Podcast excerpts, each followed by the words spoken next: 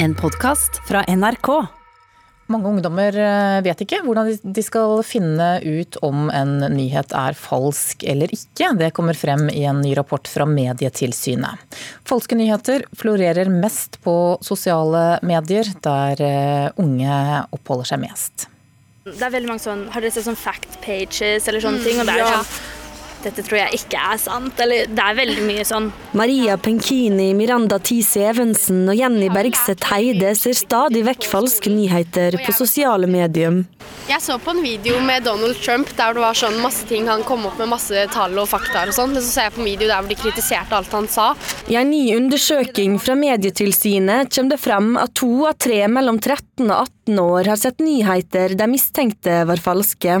Storparten av disse var på sosiale medium som Facebook, TikTok eller Instagram. Dette uroer Mari Velsand i Medietilsynet. Eh, For mange barn og unge er sosiale medier et viktig sted for å finne nyheter. Og derfor er det jo særlig viktig også å utvikle den kritiske medieforståelsen hos barn og unge. Trass i at stadig flere unge er merksomme på falske nyheter, svarte 60% at de ikke undersøkte videre om nyheten var sann eller ikke. Så ser vi også noen kjønnsforskjeller. Gjennomgående så er jentene flinkest til å sjekke ut om saken var falsk eller ikke. Men ofte er sjølv ikke dette nok. De som utarbeider falske nyheter, blir stadig flinkere og spiller ofte på kjenslene til unge. Det sier Sølve Kurås Karlsen, leder for skoleprosjektet Tenk i faktisk.no. Lag en ferdig liste til ungdom der de sier liksom, det her og det her skal du gjøre i møte med falske nyheter. Det vil jo fort eh, falske nyheter ta hensyn til. Man må være oppdatert. Det er et, eh, et kappløp, en eh, katt og mus-lek, rett og slett. Reporter her, det var Vilde Gjerde Li. Faktisk.no har nå et eh, skoleprosjekt som heter Tenk. Faktisk er en organisasjon som avdekker og forhindrer spredning av oppdiktede meldinger som da utgir seg for å være ekte nyheter. Og gjennom dette skoleprosjektet så skal elevene lære kildebevissthet og kritisk mediebruk. Kristoffer Egeberg, redaktør i Faktisk.no, velkommen til Nyhetsmorgen. Jo, takk. Hva slags prosjekt er dette her? Nei, Dette er et skoleprosjekt rett og slett eh, for å møte fagfornyelsens eh, si, hoved, tverrfaglige hovedtema her, som er demokrati og medborgerskap, folkehelse, livsmestring og bærekraft og utvikling. Men da spesielt med tanke på dette med, med kildebevissthet og kritisk mediebruk, som vi ser er, er et kjempebehov for, uh, i, for, egentlig for hele samfunnet, da, men vi må starte med barn og unge. Men Betyr det at skolene ikke er gode nok på dette i dag? Ja, altså Skolen jo, har jo veldig mange gode uh, lærere og, og gode rammer, men det de mangler er rett og slett verktøy for å hjelpe barna, som, som det kommer frem i denne undersøkelsen. De vet ikke hvordan de skal avdekke uh, falske nyheter. Og Det er jo denne verktøyskassa som må oppdateres og, og holdes oppdatert hele veien, uh, hvor vi må lage verktøy som både lærerne kan bruke i klasserommet og videreformidle til elevene og barna, som skal bruke dem i hverdagen. Du sier at eh, dette da gjelder hele samfunnet, ikke bare de unge. Det er vel egentlig de eldre som er dårligst på Ja. å avdekke falske nyheter? Det viser jo disse samme, samme undersøkelsene, og, og der er det et kjempebehov. Altså det er et kjempebehov for hele samfunnet. Eh, Men jeg tenker jo også at det å, eh, i skolen så kan man begynne å utvikle denne kritiske sansen og, og, og bruke disse verktøyene. Og det vi vet er jo at veldig mange eldre får jo hjelp av sine barn og barnebarn i forhold til spesielt dette med nettvett og, og, og forståelse av nye medier, sosiale medier.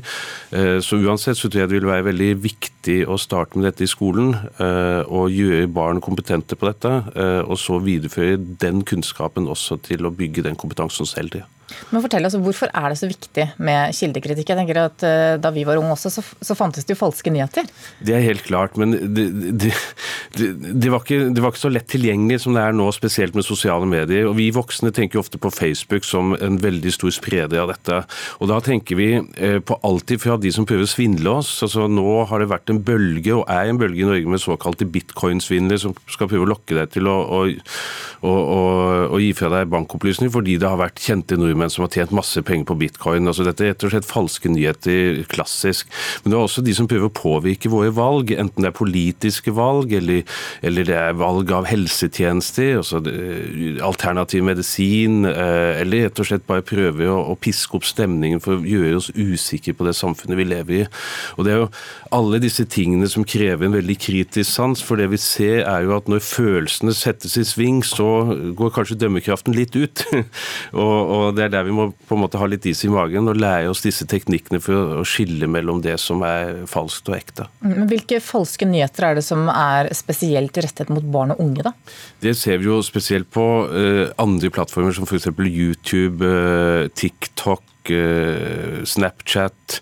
Uh, ja, men, er, men, er, det spesielle historier eller spesielle fagfelt? ja, Vi har et eksempel fra bare noen uker siden i forhold til koronaviruset, hvor det var falske nyheter på Snapchat om, altså, hvor de hadde lagd en falsk VG-forside om at koronaviruset var kommet. Men det kan være helt andre ting også. Du ser at konspirasjonsteorier er veldig veldig populært i dette miljøet. Alltid fra sånn typisk flat jord-konspirasjoner og konspirasjoner rundt kjente hendelser, også koronaviruset. Det, det som ofte kjennetegner at det er aktuelle saker, og det er derfor slike verktøy alltid må være oppdatert og aktuelle. fordi det er en katt og mus-lek mellom de som produserer falske nyheter, og vi som skal prøve å takle de.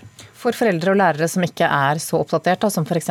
du er, eh, gi oss tre eh, stikkord til hva vi skal lære eh, ungdommene våre. Ja, Som jeg sa, vekker saken sterke følelser der, så bør denne varselklokka gå. Da må du være ekstra kritisk. Har du fått med deg hele budskapet? Hvem er det som er avsender, og hvor er dette egentlig publisert? Kjenner du, Er det noen andre som skriver om dette? Finner du det noen andre steder? Ta et raskt Google-søk, og ikke minst sjekk om nettadressen og bildene du ser og tidslinjene stemmer overens med, med virkeligheten. Og Hvis det bare er én som skriver om noe som er kjempeoppsiktsvekkende, så er det sannsynligvis ikke sant. Og ikke minst grunnregelen er jo at er det for utrolig til å være sant, så er det sannsynligvis ikke sant. Ok, Vi tar det med oss videre i Nyhetsmorgen. Takk skal du ha, Kristoffer Egeberg, redaktør i faktisk.no. Det som er sant, er at Linda Bostrøm Knausgård er forfatter. Eh, det er også kjent at hun er en av de mest omtalte personene i Min kampserien til Karl Ove Knausgård, hennes tidligere mann. Og i sin nye bok 'Oktoberbarn' så forteller hun sitt livs historie fra sitt perspektiv. En fortelling som inneholder både eh, historier om tvangsinnleggelse, elektrosjokk og skilsmisse. Litteraturkritiker Knut Hoem, eh, hvilket inntrykk gjør det på deg? Dette er en fortelling som eh, syder og koker, og setningene gnistrer. Her står det f.eks. at eh, her sitter jeg på lukket avdeling og spiller sjakk, akkurat som faren min pleide å gjøre. Og Det er jo en type setning som, eh, som sitter i etter endt lesning. Faren til Linda Bostrøm Knausgård var også innlagt på lukket avdeling, som hun også var i fire år. Så her er det mye som eh, gjør eh, inntrykk. Mm, vi har jo hørt eh, denne historien delvis fortalt av Karl Ove Knausgård tidligere. For, lærer vi noe nytt her? Altså, forteller du den på en annen måte? Ja, og hvis Knausgård er bulemisk i sin fortellermåte, med mange store, lange sprang og essayistiske tankesprang, så er hun her mye mer anorektisk, mye smalere i, i stilen. Eh, litterært sett. Um, dette er jo hennes fortelling, da. Hun, har, jo også rett på eh, den fortellingen. Uh, det er en dannelseshistorie om en ung kvinne som driver for vær og vind på Østermalm i Stockholm med skuespillermamma vokser opp i et snobbete miljø med adelsunger på alle bauger og kanter. Eh, og, og skal, så skal hun finne ut hvem hun er oppi eh, alt eh, dette. Men det er jo ikke en kronologisk fortalt fortelling. Hun forteller det fra lukket avdeling. Hun var tvangsinnlagt, hun på, var utsatt for elektrosjokkbehandling i fire år, og blir oppfordret av en pleier der til å finne, finne ut av hva det er hun husker, hva det, er hun minnes. Så det er disse minnene minnesbildene vi får. Og akkurat dette her med erindring og minne, det er sånn i elektrosjokkbehandling så så er det noe som kan bli skadet. Så dette her er en litt sånn eh, eh vanskelig, et litt vanskelig territorium. Men, men er det en memoarbok, liksom? Dette er i høyeste grad en roman. og Det som er testen akkurat der, det er jo det at hvis det er sånn at disse erfaringene oppleves som allmenne, så blir det en roman. Hvis det er sånn at man tenker at det er privat, så er det det ikke. Her er det sånn at Vi har vel alle drevet litt for vær og vind på et, på et tidspunkt i livet. Og Når eh, Bostrøm Knausgård skriver at eh, mannen min har forlatt meg, så er det jo ikke sånn at det er bare hun som er forlatt. Det er kanskje flere av oss som er blitt forlatt en gang, så det er jo ikke en privat erfaring det heller nødvendigvis. Ikke når det skrives, ytres riktig. Og det er det som gjør den gode selvbiografiske litteraturen god. Og der er hun helt på høyde med sin eksmann, og der er hun helt på høyde med Thomas Espedal og andre som driver i samme sjanger. Er hun også helt på høyde med sin eksmann når det gjelder etiske dilemmaer? Ja, det er et godt spørsmål. Eh, jeg eh, har tenkt litt på det når jeg har lest. Altså, man har jo f.eks. en scene her der hun forteller om eh, da de fortalte barna at de skulle skilles. Eh, det står jo der.